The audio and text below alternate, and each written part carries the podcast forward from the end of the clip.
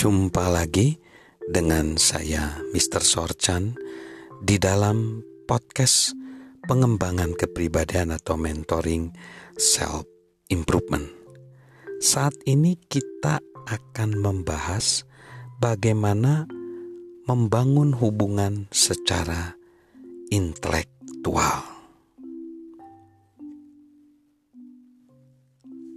Membangun hubungan secara intelektual adalah apa yang dipahami orang lain. Sahabat Mr. Sorchan, agar dapat menjalin hubungan secara efektif dengan orang lain pada tingkat intelektual, kita harus memahami dua pokok, yaitu pokok bahasan kita dan diri kita. Yang pertama itu sangat jelas. Setiap orang mendengarkan seseorang menjelaskan suatu pokok yang tidak ia ketahui.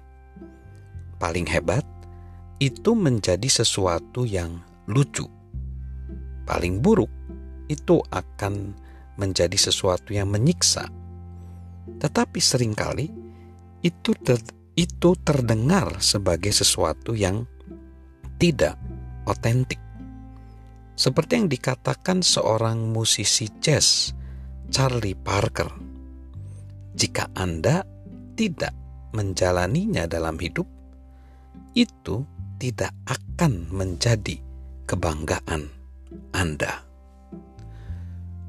John C. Maxwell membaca sebuah kisah tentang aktor besar Charles Lawton yang melukiskan perbedaan antara seorang pembicara yang baik dan seseorang yang benar-benar tahu apa yang sedang ia katakan. Dikisahkan bahwa Longton sedang menghadiri sebuah pesta Natal bersama sebuah keluarga di London.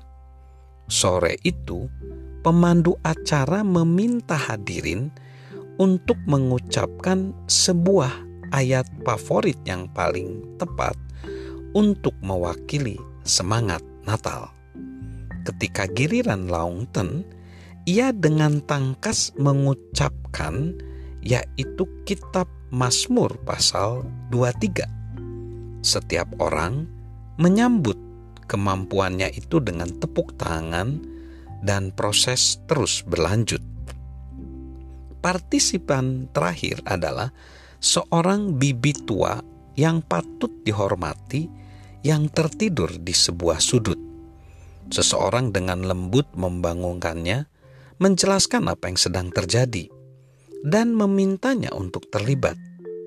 Ia berpikir sejenak, kemudian mulai berbicara dengan suara yang gemetar.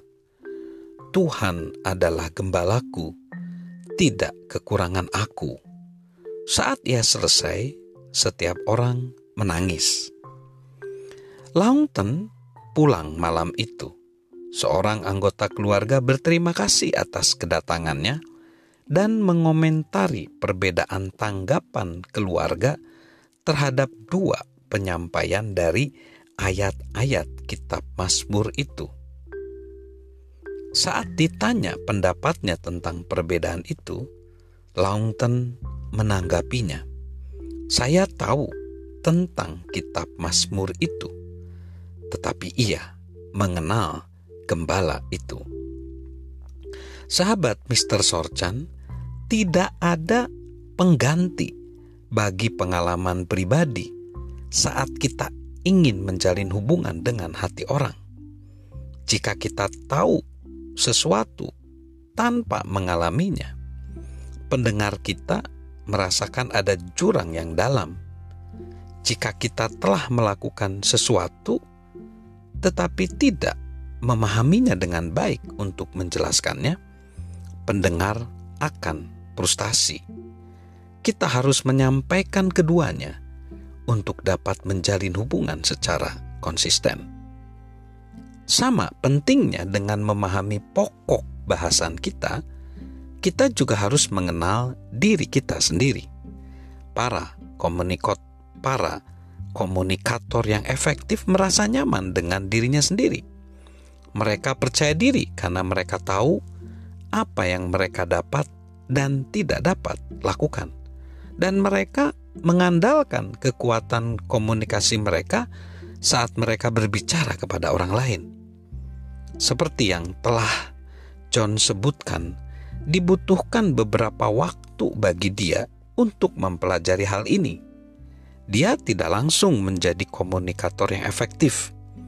Pengalaman-pengalaman pertama dia sebagai pembicara publik terjadi pada tahun 1967, sementara dia di perguruan tinggi. Pada saat itu, strategi John adalah meniru pembicara lain yang dia kagumi. Sungguh suatu malapetaka Ketika itu tidak berhasil, dia berusaha mengesankan orang lain dengan pengetahuan dia. Tak seorang pun mendengarkan. Dibutuhkan waktu delapan tahun untuk menemukan diri dia sebagai seorang pembicara.